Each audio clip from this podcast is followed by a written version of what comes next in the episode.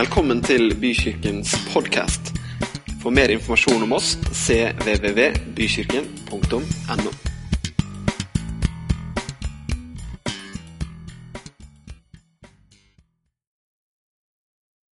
Veldig bra. I dag skal jeg snakke om noe som eh, ja, det, holdt på å si, det datt ikke ned i hodet på meg. Jo, det gjorde egentlig det. Og jo mer jeg tenkte på det, jo, jo, jo tydeligere blei det. Og det er jo sånn at tiden, den flyr. Noen som opplever det? Jeg hadde sånne der Mandag-fredagsuker hadde jeg hele november og desember. Husker ukestart, og så er det fredag i dag? Skal jeg ha dette ferdig også før helga, liksom? Og til og med min eh, lille prinsesse på fire hun sa, til, som sa til meg i bilen i går 'Pappa, tiden flyr'. tenkte jeg, ja, Nå går det nedover i generasjonen også. Vi skjønner liksom at tida går veldig fort, og det gjør den. Og jeg husker faktisk tilbake på 80-tallet. Hvor jeg hadde en stiloppgave. Jeg var på ungdomsskolen. For jeg skulle beskrive livet mitt i 2020. Og du vet, jeg var jo så langt fram, så man kunne jo dra på noe skikkelig. Jeg tror ikke vi gikk på beina lenger. kan du si. Det meste var automatisert, og det var vel ikke noen som hadde et vanlig plagg på seg lenger. Det var vel spesialforma drakter, og det var Jeg husker én ting som var liksom i hovedgreia i historien, var en, at det hadde vært en befolkningseksplosjon. Så den skumle staten, den kvitta seg med noen ved å jevnlig lukke en del tunneler. Det var ganske dramatisk, skal jeg si det. Men det var i 2020. For tiden den flyr jo noe helt vanvittig. Hm. Men så er vi nå her i 2015. da. Det er jo ikke 2020 ennå. Jeg har ikke blitt helt dement. Slapp av. Men det, poenget er at det nærmer seg veldig fort. Og så er det jo nytt år, og det er første søndagen inn et nytt år. Og da har det jo sikkert noen som allerede har skjønt at i dag skal det bare dreie seg om nyttårsforsetter. Nei da, det skal ikke det. Jeg hadde besøk av svogeren min og svigerinna mi i jula. Og vi var veldig enige om det, jeg, svogeren min og jeg. Vi hadde et nyttårsforsett. Og det var å ikke ha noe nyttårsforsett. Fordi vi hadde liksom gjort noen erfaringer om at dette funka litt dårlig. Men har du noen nyttårsforsetter? Skal få slippe å si dem høyt. Men det er ikke noe galt i å stoppe opp, enten det er ved et årsskifte eller det er ved en eller annen gitt dato, og tenke seg litt om. Gjøre opp litt status. Avslutte regnskapet. Alle organisasjoner og firmaer og så videre, de er jo pålagt å ha generalforsamlinger og årsmøter hvor noen ting avsluttes, og så startes noe nytt. Jeg hørte en som sa det en gang, og han heter Bjørn Nei, han heter ikke Bjørn, han heter Karsten. Karsten Isaksen. Han sa det Alle burde stoppe opp i ny og ne og holde et årsmøte i sitt eget liv. Og hva gjør man på et årsmøte, sa Karsten Isaksen, denne vise presten. Jo, på et årsmøte da avslutter man det som har vært. Man skriver under regnskap, årsberetning osv. Og så fra årsmøtet av så begynner man å se framover. Jeg tror det er to ting som er viktig der. Avslutte og se framover. Så da veit du hva du skal gjøre i ettermiddag. Årsmøte. Nei da. Men vet du hva? jeg tror at 2015 blir et skikkelig bra år. Amen. Kjære Gud, det har vi hørt før. Jeg tror at 2015 blir et skikkelig bra år. Jeg tror virkelig det, og det er ikke en sånn der hype som jeg sier fordi det er nyttår, men jeg opplever at 2015 det kommer til å bli et utrolig bra år. Kommer ikke til å bli et år hvor vi liksom opplever at det er de rosa skyene som dominerer, men det kommer til å bli et år hvor vi opplever at Gud lever. Vi kommer til å oppleve at hans menighet, hans kirke, er på frammarsj. Dere er vanskelig å holde i gang i dag, det skal jeg bare si, men det er greit. Jeg er begeistra i meg sjøl, så det går bra. Tar det på den norske måten, sånn litt inni der. Det bobler og Ikke over, men det bobler. ja. Og du vet, Mange har jo prøvd å si noe om dette her året, og vi har jo hørt nyttårstaler. Erna Solberg har jo fortalt hva hun tror kommer til å skje, og hvordan det gamle har vært. Og kongen han har sagt at vi må bruke snille ord. Det er veldig bra, det er veldig sant. Og finansministeren hun har noen meninger om oljefondet. Og det kan vel hende at eh, oljeeventyret kanskje har sett toppen sin. Jeg vet ikke. Statistikkene de er i hvert fall klare. Og vi har noen tall å styre etter. Og ikke minst været, da, dere. Hvordan blir været i 2015? Skal vi ikke bruke en god time nå på å spekulere litt i været?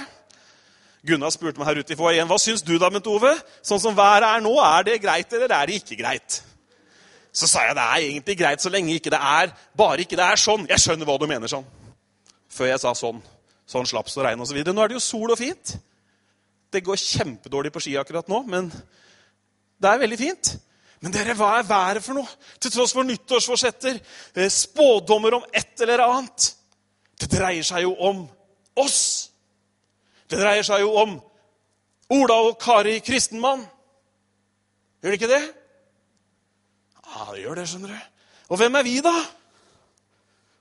Hm. Noen sier at vi er en Altså, Noen sier at noen sier, jeg sier ikke, men noen sier at vi er en navlebeskuende generasjon. At vi er så egosentriske at vi blir svimle av det. Og Vi blir ikke svimle fordi det er liksom så vanvittig himmelhøyde i livene våre, men vi blir svimmel av vår egen karusell, som gjerne vil ha litt mer og litt mer og litt mer og høyere og høyere fart. Noen sier at vi, vi jager etter de verdiene som ikke engang varer et halvt liv. Hm. Hva har vi som mål? Hva har vi å strekke oss etter? Hva har vi som betyr noe for oss? Lag deg en liste i hodet ditt nå. Er det ting som varer et halvt liv? Det er nesten ingenting som varer et halvt liv lenger. Før vet så kunne du kjøpe deg et eller annet, og det varte og rakk, og du fikk liksom ikke slitt ut disse tingene. Men nå er jo ting er laga for at det egentlig ikke skal vare så lenge. Har du hatt mobiltelefonen din i mer enn to år, så er det jo det er bare å ringe Guinness rekordbok. Det kan hende det er en ny rekord. Ikke sant? Fordi at vi hele tiden Ja, dere skjønner hva jeg mener. Ja Men hadde det bare stoppa der? For midt oppi karusellen, midt oppi farta, midt oppi spinningen, så er vi til og med blitt spesialister på veldig mye. Vi vet veldig mye. Kanskje vi vet mer enn menneskeheten noen gang har visst. Vi har i alle fall tilgang på mye mer informasjon enn menneskeheten noen gang har hatt før. Mengden av informasjon som når oss i løpet av en dag, og for ikke å snakke om et år Vi snakker jo om året som har vært, og året som kommer. Tenk den mengden av informasjon som har nådd dine sanser i løpet av 2014. Den er helt enorm.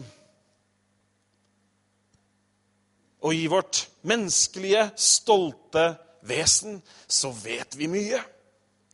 Og vi uttaler oss om enda mer enn det vi vet. Og vi blir spesialister også utenfor vårt eget kompetansefelt. For vi har i hvert fall lært å si hva vi mener om noe. Nå bare forteller jeg hva noen andre har sagt. Ok? Det som er eh, faren akkurat i det, det er at vi blir også spesialister på noe. Eller vi blir sånne eh, som kommer med ekspertuttalelser på ting som vi faktisk ikke har snøring på. Eller som vi i hvert fall ikke kjenner helt rekkevidden av.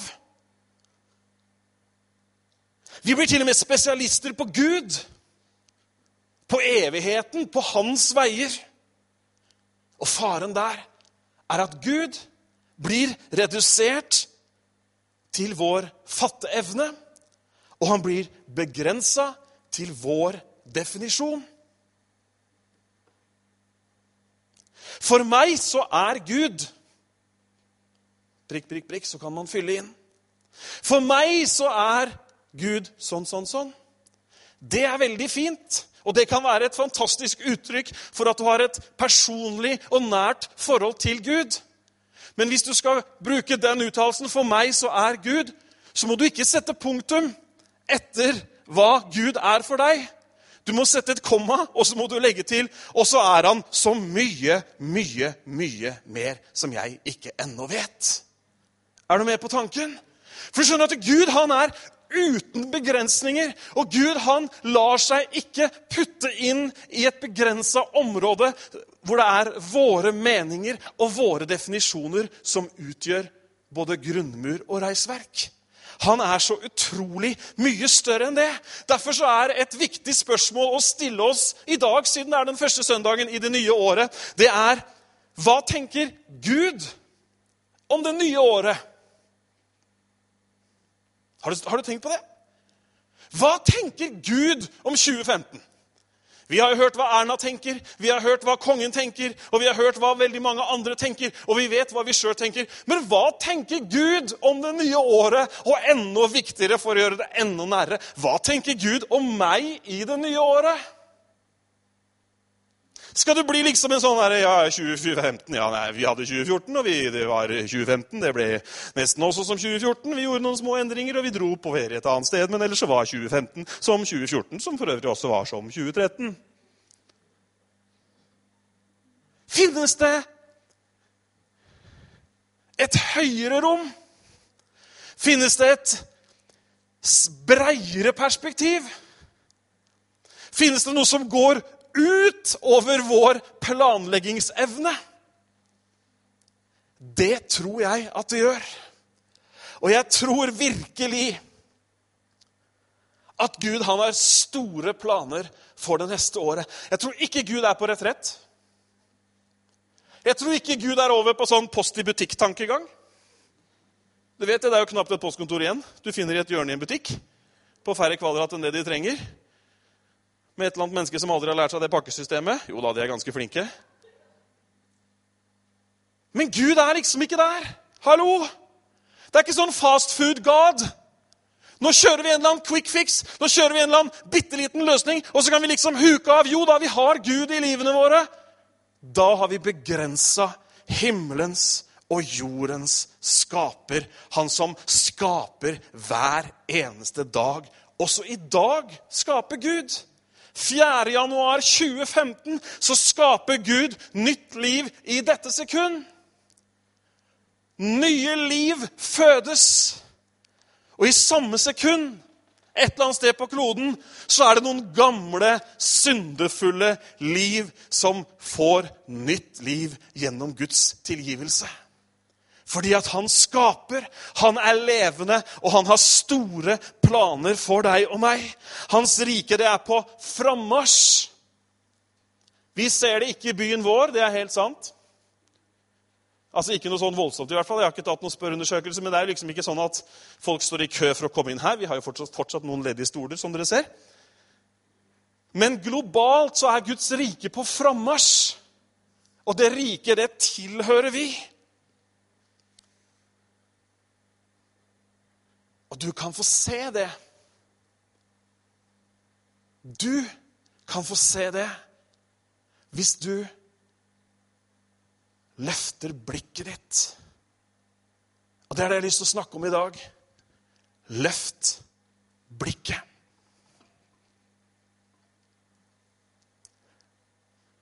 Jeg skal bare sånn For liksom at vi skal være sikre på at vi snakker om det samme Hvis du kan ta hodet ditt Lene dere litt sånn forsiktig bakover. Og, ikk, og så mister du bakkekontakten. Så lar du øynene gå opp til viftene i taket. Nå løfta du blikket. Du har aldri sett de viftene før. Det er vifter i taket. Hva er det å løfte blikket? Jeg har lyst til å snakke litt om i dag. Er det greit? Er du med så langt? Ja, så bra. Det dreier seg om å se oppover. Og det dreier seg om å se framover. Det dreier seg om å se mot Gud. Nå finnes Gud i oss. Han finnes rundt oss. Vi møter han gjennom menneskene vi omgås osv. Det er derfor det er så viktig å komme, eh, komme sammen. Men jeg vil si at vi ser opp til Gud så ser vi for oss det at Gud, han er en mektig herre og skaper som sitter på sin trone i himmelen. Og fra den posisjonen så finnes det ingen som er over han. Finnes ingen ved siden av heller. Han er størst. Jeg lever jo i småbarnsverden for tiden. Og det er velsignet, altså, for nå er et, et, et stort tema om dagen det er hvor stor Gud er. Og det er fint når du er mellom fire og fem, altså. Pappa, jeg tror ikke Gud, jeg tror, jeg tror ikke Gud får plass oppi senga her nå.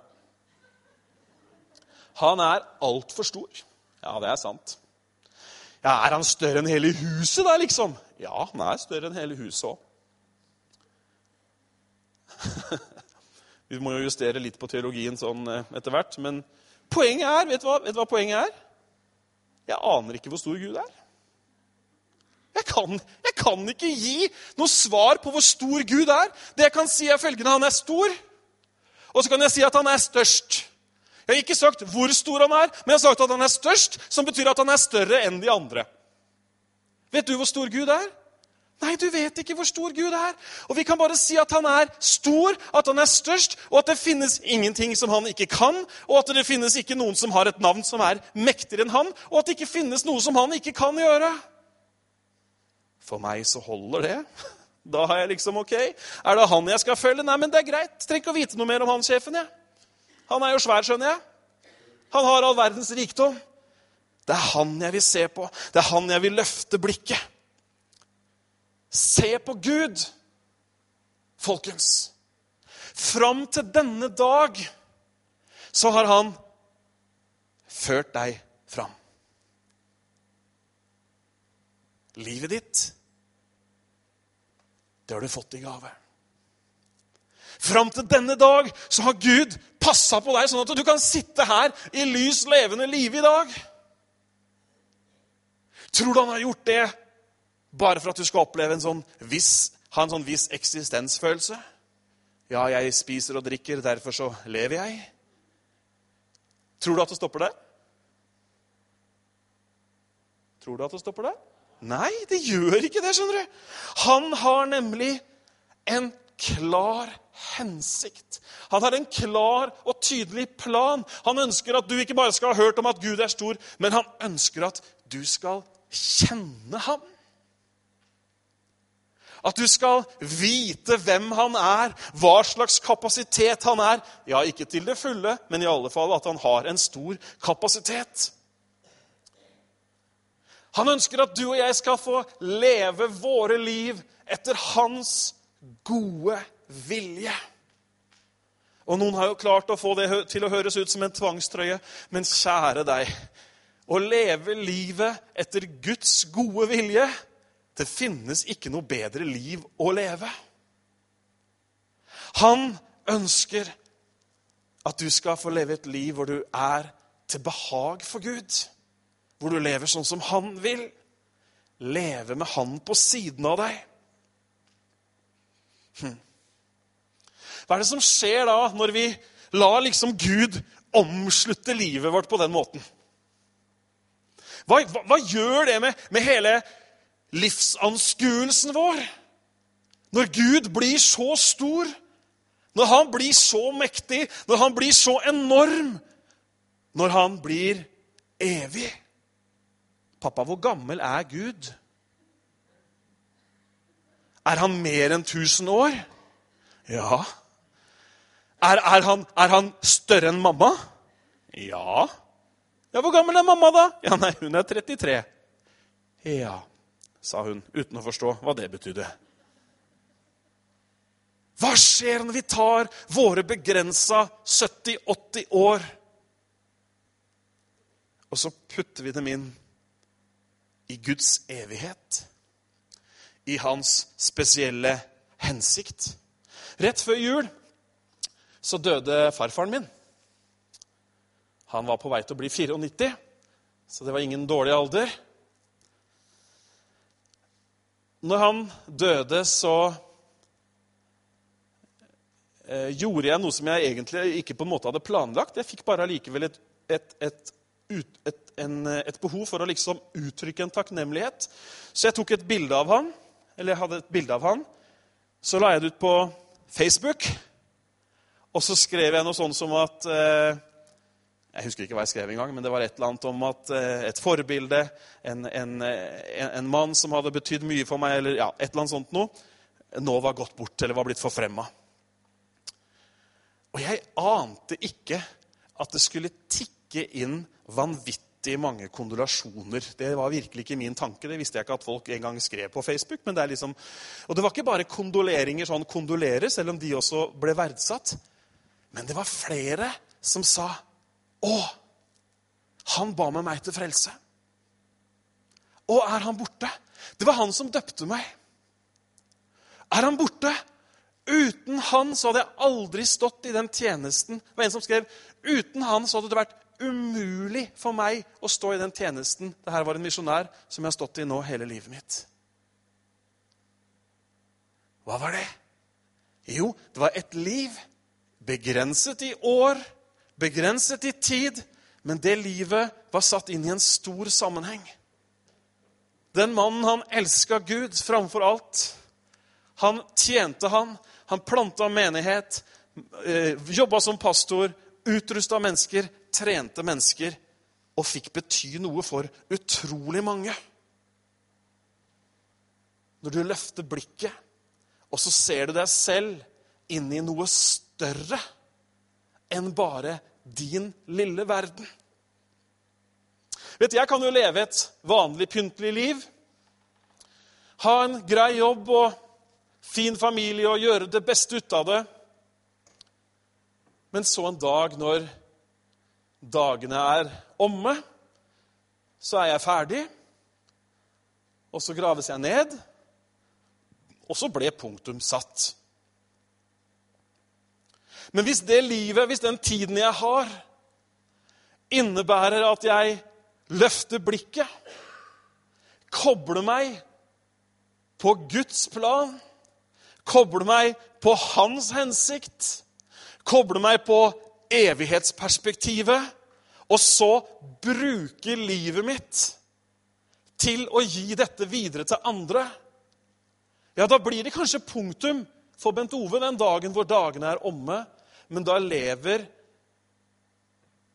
livsverket videre i form av de mennesker man har vunnet for Gud de mennesker man har fått bety noe for, osv., osv. Og så oppleves det som meningsfullt. Og så oppleves døden ikke som en endelig adskillelse, men en forfremmelse. Fordi man bare fortsatt er der hvor Gud ønsker at man skal være. Nå har jeg lyst til å servere deg noen fakta om hva som skjer, eller hva det er, å løfte blikket. Er du klar for det? Det er veldig bra.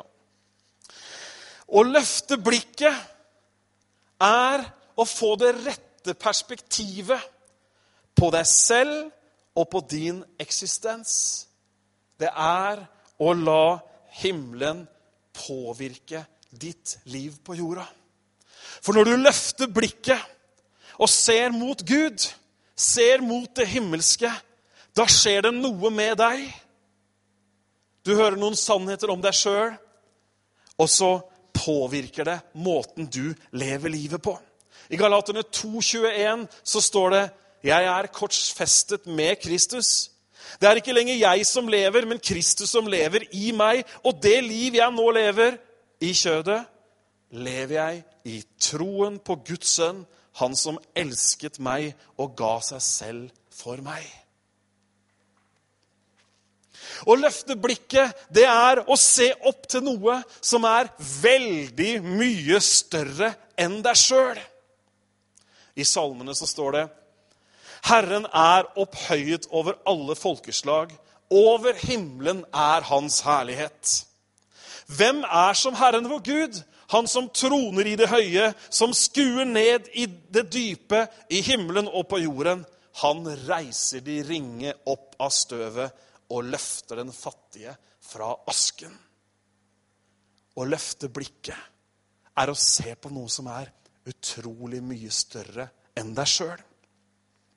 Å løfte blikket, folkens, er også å la det gamle livet med feiltrinn, med fadeser og ulykke, ligge dødt.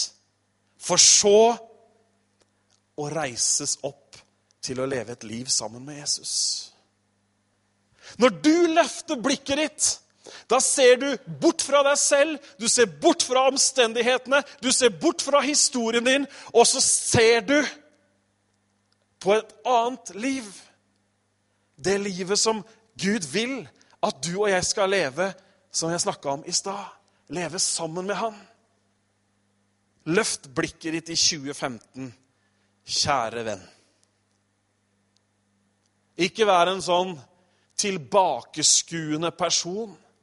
Ikke leve i et sånt museum av tidligere feiltrinn, tidligere ulykker. Det som har vært, det har vært. Hallo! A word for somebody. Jeg kan ikke gjøre noe med det som skjedde i går.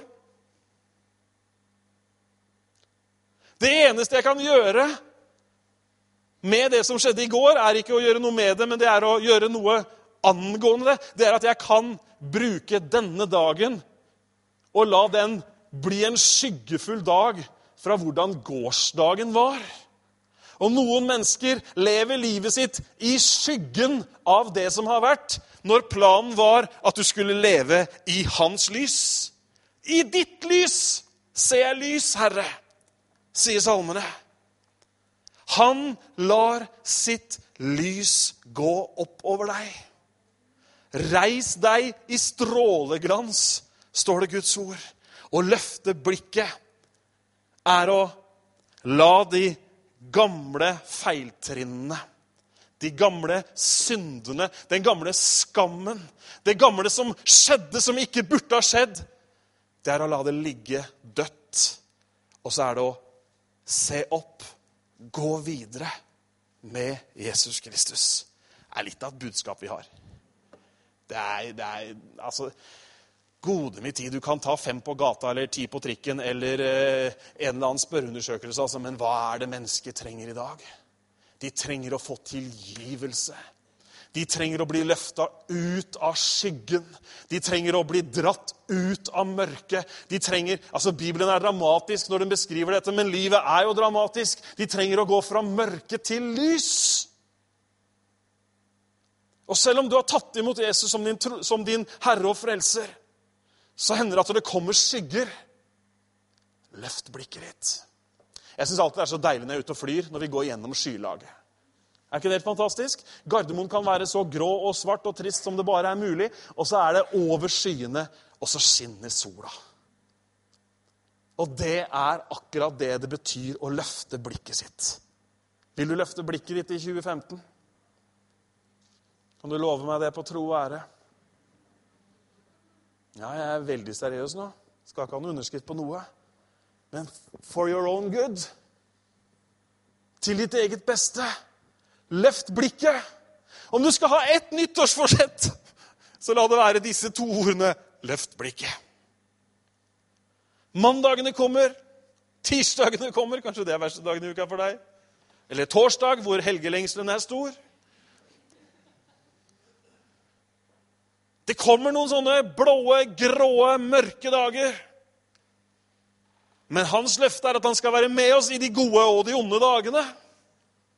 Fordi at han du skjønner, Han har ikke gode og dårlige dager. Visste du det? Hos han er det ingen skiftende skygge. Står det om han, som vi kan se på. Ja vel, vi må gå videre. Dette var punkt 3 av 21. Så det er, nei, unnskyld, av 13. Jeg tok bort de syv siste. Stemmer. Ah, jeg bare satt vet du, og kikka i Guds ord og, og, og, og bare Altså, det bare hva, hva er det å løfte blikket? Jo, det er virkelig å motta kraft og styrke til å fullføre ditt løp. Jeg er ikke noen løper. Jo, du er en løper hvis du lever. Jeg er ikke sikkert du er sånn hurtigløper, men du er en løper. vet du. Nå ble du litt oppmuntra. Nå kjente du at uh, joggeforsettet fikk litt liv og gnist. Å ja, han, han, han, sa jeg er en løper. Han sa jeg kunne løpe. Han sa at det er ingen som ikke kan løpe. Nei, du kan løpe. Og det er uten joggesko, men det er å løpe det løpet som Gud har sagt, satt for deg. Og vet du hva? Når du ser opp, da blir det kraft over steget, altså. Da blir det styrke i frasparket. Da er det mulig å ta én runde til. Noen ganger hvis jeg liksom eh, har møtt en eller annen sånn eh, ikke så hyggelig utfordring, så hender det at du får lyst til å gjøre det motsatte av å løpe. Jeg vet ikke. Senga, dyna, puta over hodet. Please, world, leave me alone. Det svensk og betyr 'vær så snill, verden, la meg få sove litt'. Men så skal det så utrolig lite til. Løfter jeg blikket, og så Der fikk jeg ny styrke. Der fikk jeg ny kraft. Og det kan være så enkelt som at jeg møter et menneske som sier tre snille ord til meg. Heia kong Harald og de snille ordene. Jeg mener det. Si noen gode ord. Det skaper noe. Det kan være et smil. Det kan være noen som Yes, du er bra. Blikket løftes. Ny styrke. Å, dette er så deilig er så bra. Vet du hva? Å løfte blikket. Det er å bli sett av Han som så deg før du så dagens lys, og som har sett deg hver eneste dag siden. Oi, å løfte blikket. Å la mine øyne møte Guds øyne, som så meg før noen andre hadde sett meg. Mens jeg var inni mammas mage. Og helt fra den dagen så har han sett deg og meg hver eneste dag. Alle mennesker har et behov for å bli sett. Akkurat nå ser jeg ingen av dere, for nå så jeg på den lyskasteren, så nå ser jeg bare sånne der eh, dråper i øynene. Men der begynner sikten å komme tilbake. ja. Løfte blikket. Se hva Gud sier om deg.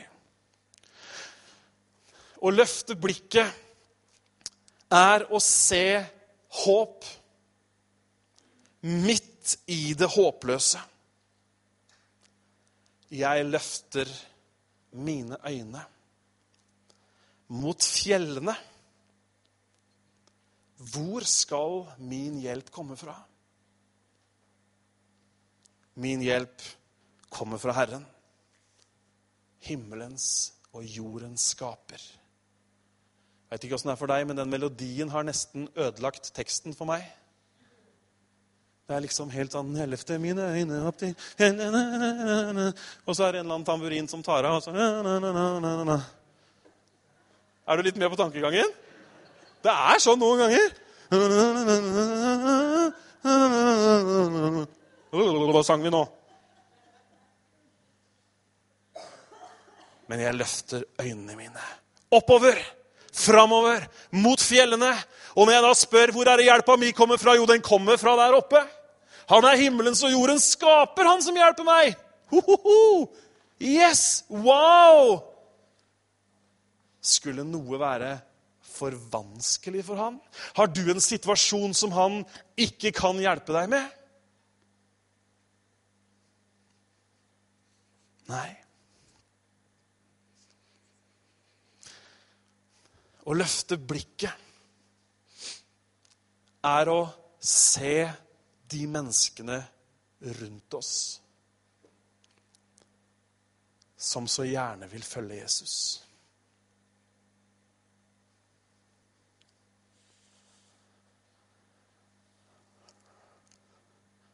Jesus sa de her kjente ordene. Dere sier, sa Jesus til de andre, dere mennesker, dere sier at det er ennå fire måneder til det er innhøstning. Jeg sier, løft blikket og se markene.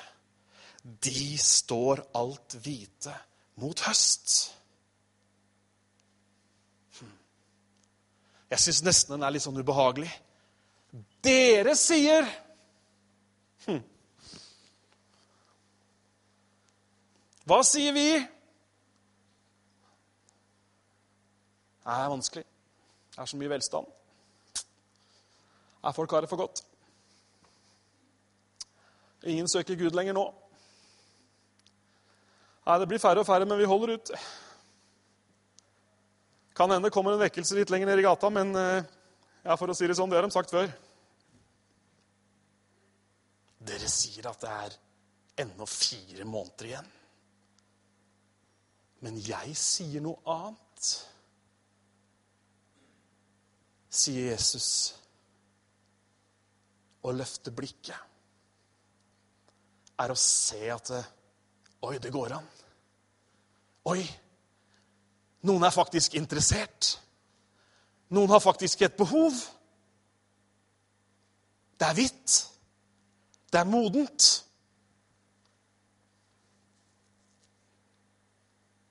Hm. Jeg vil være en sånn som løfter blikket mitt, sånn at jeg ser at det er modent. Hva betyr det? Jo, så jeg ser at det er mulighet.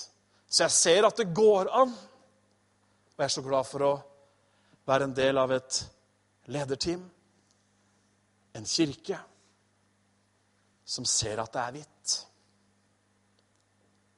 Og så rigger vi oss, og så ruster vi oss fordi at vi tror det er hvitt. Vi tror det er hvitt i Tønsberg. Ja, den må du dra lenger på, på landet med. Ja, jeg snakka om Tønsberg. Det går bra. Vi tror det er mulig i 2015 at mennesker skal komme til tro. At mennesker skal ta imot de fantastiske nyhetene om Jesus Kristus, som tilgir, som tar bort det vonde, det gamle, og som gir menneskene noe de kan løfte blikket og se på. Hm. Å løfte blikket det er å se rett på Guds sannheter om oss. Han har gitt oss en bok. Han har gitt oss et testamente. Han har etterlatt oss noe. Og Bibelen er av Gud til oss.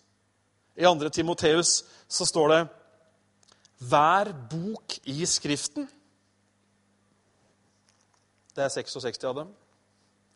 Men det står at hver bok i Skriften er innblåst av Gud og nyttig til opplæring, til rettevisning, veiledning oppdragelse i rettferd. Så det mennesket som tilhører Gud Er du her? Så det mennesket som tilhører Gud, kan være fullt utrustet til all god gjerning. Yes! Uhu! Vi har jo løsningen, vi har jo det vi trenger, vi har jo instruksene. Liker du litt instrukser? Ja, noen nikka høflig. Det var fint. Jeg, jeg, får nesten sånn altså, det, jeg, liker det ikke, men jeg ser at det, det, hjelper på jobben å ha noen instrukser. Ikke sant? Men disse instruksene, denne veiledningen som det står om, den gjør at jeg blir rustet. Den gjør at jeg blir klar. Den gjør at jeg har det jeg trenger for at jeg kan gjøre all god gjerning. Fantastisk. Vi må gå videre. Dere har jo skjønt det at det er egentlig én preken på hvert punkt. Så hvis jeg er litt taktisk nå, så bruker jeg disse 21 første halvåret, så har vi lagt planen klar. Å løfte blikket er å komme til Jesus med alle ting og få hans hjelp. Hmm. La oss derfor komme fram for nådens trone med frimodighet. For at vi kan få miskunn, finne nåde til hjelp akkurat i den tid vi trenger det. Hebreerne 4, 16.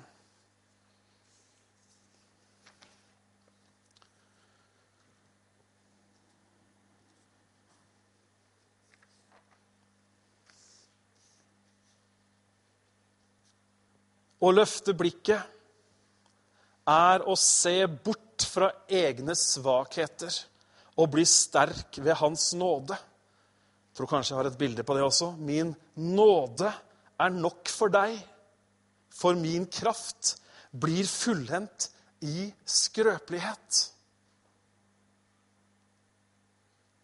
Å løfte blikket er å ikke fokusere på alt du ikke kan, og alt du ikke får til. Men det er å se bort fra det og så kjenne at ja, men det er ikke fordi jeg er så dyktig. Det er ikke fordi jeg er så spesiell i meg selv, men det er fordi at Hans nåde, Hans ufortjente gunst mot meg, har kommet ned. Min kraft fullendes i skrøpelighet. Vet du hva det betyr? Det betyr at Guds kraft får bare plass dersom egne prestasjoner forsvinner, og det er vår egen skrøpelighet eller fattigdom eller manko, om du vil. Det må være tomt i et kar for at du skal få noe oppi det. Ikke sant? Det er logisk. Og Gud, han kan bruke det.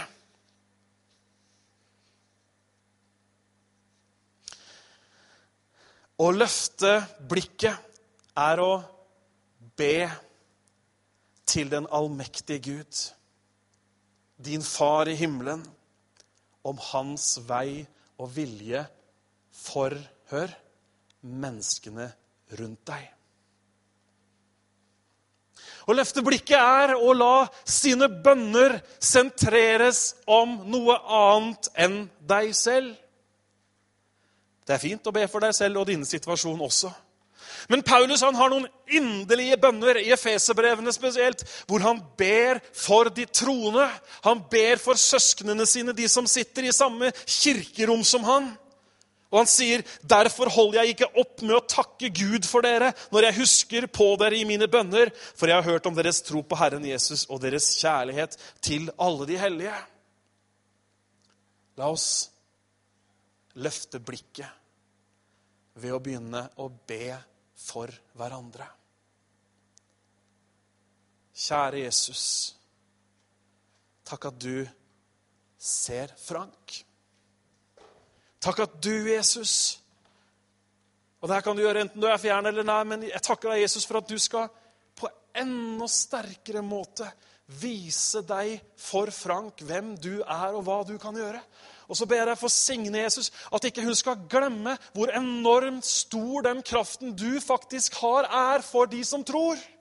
Og så ber jeg om at ikke hun skal miste det evige av syne, men at hun alltid skal få holde seg nær til deg. Bønn for de hellige, det løfter blikket ditt. Gud, ha din vei.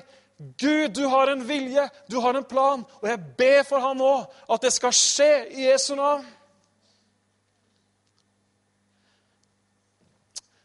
Jeg har en sånn der, jeg vet ikke hva hun heter engang, men jeg har vært i London en del ganger i en menighet der hvor, eh, hvor de er litt brunere enn meg i huden. Alle er det, faktisk. Det er mer sånn farge som gulvteppe. Og så Hver gang jeg er der, så kommer det en sånn svær dame. vet du.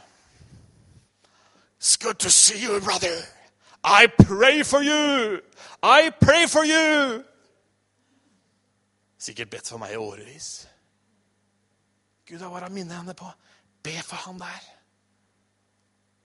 Kanskje det er det som har gjort at jeg har tatt en runde til i mitt joggeforsett. Kanskje det var det som gjorde at jeg gadd å stå opp en morgen til. Be for hverandre. Da løfter du blikket. Vi skal gå inn for en eh, vestlandslanding med fallskjerm. Den her har jeg også på, på bildet, Magnus. Å løfte blikket er å se på Jesus. Smak litt på det. Se på Jesus. Hva gjør man da? da? Det ikke, du finner liksom ikke fram de der bildekortene fra du var liten i Bibelen med sånne glansbilder og eh, menn med lam rundt nakken. Nei, men noen, Det eneste bildet de har av Jesus, vet du, det er sånn mann med lam rundt nakken og en engel i bakgrunnen. Hadde ikke du sånne kort? Jo, noen, de som uh, har passert uh, eh, 29, de hadde sånne kort. Se på Jesus.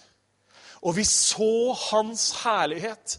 En herlighet som den enbårne sønn har fra sin far. Full av nåde, full av sannhet.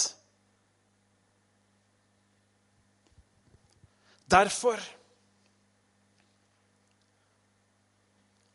I Hebreerne 12,2 Derfor, når vi har en så stor sky av vitner omkring oss, så la oss legge av alt som tynger, og synden som så lett fanger oss, og løpe med utholdenhet i den kampen som er lagt foran oss. Nå har jo både Gunnar Bekkevold og meg selv avslørt at utholdenhet det er noe vi må jobbe litt med.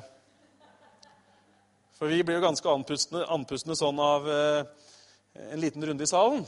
Men Gunnar, det er gode nyheter til deg og meg. Det er ikke sånn løping det er snakk om. Yes!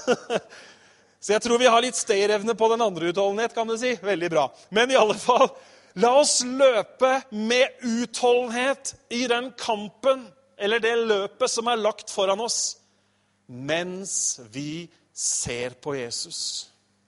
Mens vi henter inspirasjon fra Jesus. Mens vi leser Jesu ord til oss, mens vi leser Paulus sine brev om han, mens vi hører andre menneskers vitnesbyrd om han, mens vi hører misjonsnyheter om han, mens vi møter han hver dag når vi snakker med han i bønn. Troens opphavsmann og fullender. Han er opphavet til troen vår, og han er den som har tenkt å fullføre troen vår. Det var aldri meningen at vi skulle begynne på en tro, og så skulle troen vare til man var 14 15, og så var troen borte, og så var det ikke mer tro. Nei, han har begynt noe i deg og meg. Og vet du hva? Det han har begynt, det er kraftig nok til å vare hele livet ut. Ja, men jeg er ung nå, skjønner du. Jeg, jeg er tenåring. Jeg... Han er sprek nok også til å følge deg gjennom tenåringsår. Det er fullt mulig å følge Jesus gjennom hele livet. Amen. Jeg sa ikke at det alltid er lett, men jeg sa det er fullt mulig. Ved å løfte blikket. Ja, mens vi ser på Jesus.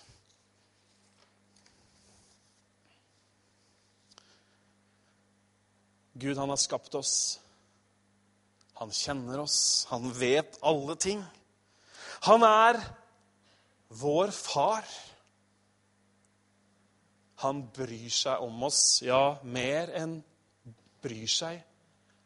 Han elsker oss. Han elsker deg. Akkurat du. Og så har han lyst til at du skal løfte blikket ditt. At du skal se på alt det han er, alt det han har, osv. Han vil gjøre noe nytt. Vet du hva? Gud han vil gjøre noe nytt. I vårt fellesskap i bykirken her så vil Gud gjøre noe nytt. For Gud han er ikke en sånn fortidens gud. Han var Gud i fortiden, men han lever ikke i fortiden. Han lever nå fordi han ønsker å gjøre noe nytt her i bykirken. Han ønsker å gjøre noe nytt i vår by, i gamle, gode Tønsberg. Det står det på Slottsfjellet, vet du. Må byen som på tunet står, få blomstre i nye tusen år. Visste du at det sto det? Ja, Noen har fulgt med i timen eller vært der. Men det skjønner at Gud vil at det skal blomstre. Dere sier at det er fire måneder. Jeg sier, løft blikket. Jeg er så glad jeg for at ikke jeg er designet for å leve i skyggen av noe som har vært. Det er mange som gjør det. Jeg blir sjokkert jeg, noen ganger når til og med sånne som er så unge som meg Ja, men pappa, hvor, hvor, er, hvor stor er du, da? 41, sier jeg.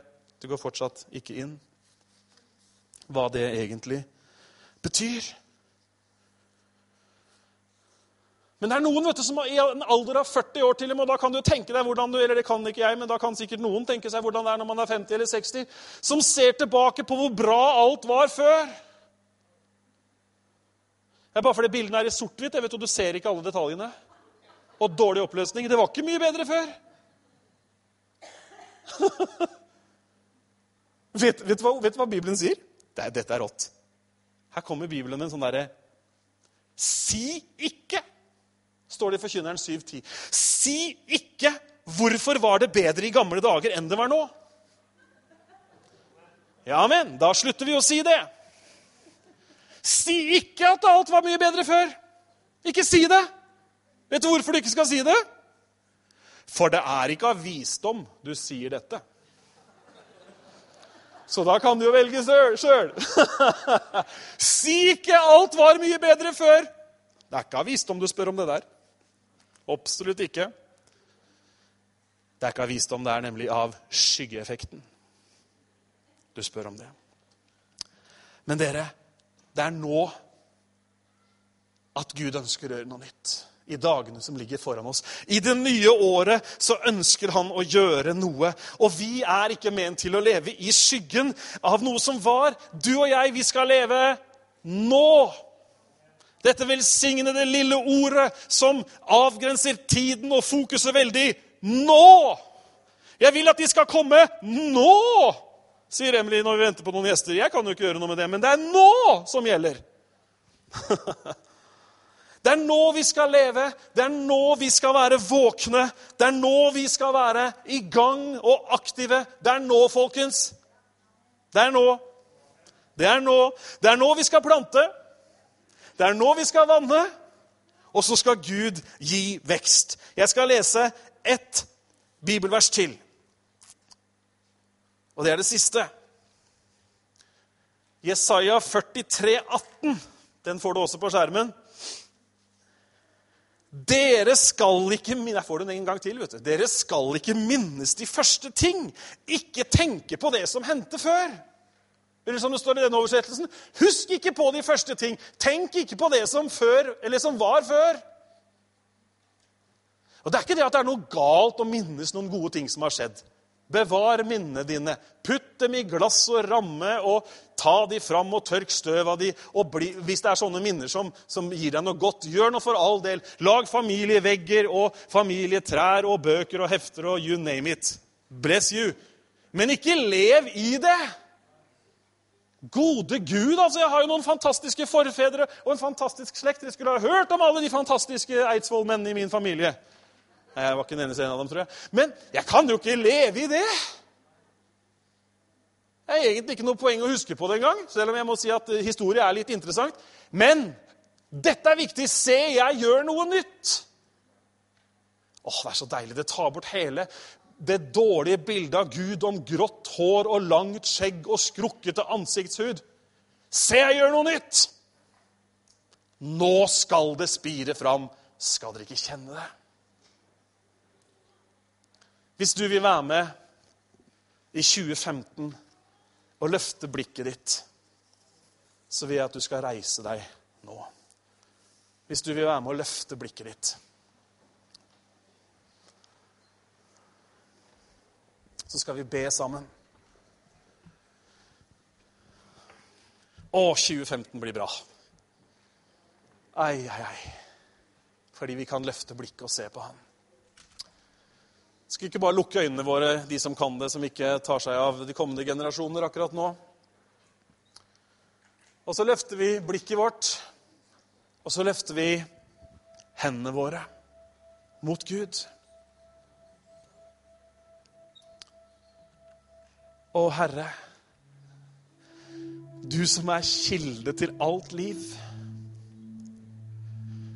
Du som har alt og kjenner alt, og du som elsker oss så høyt.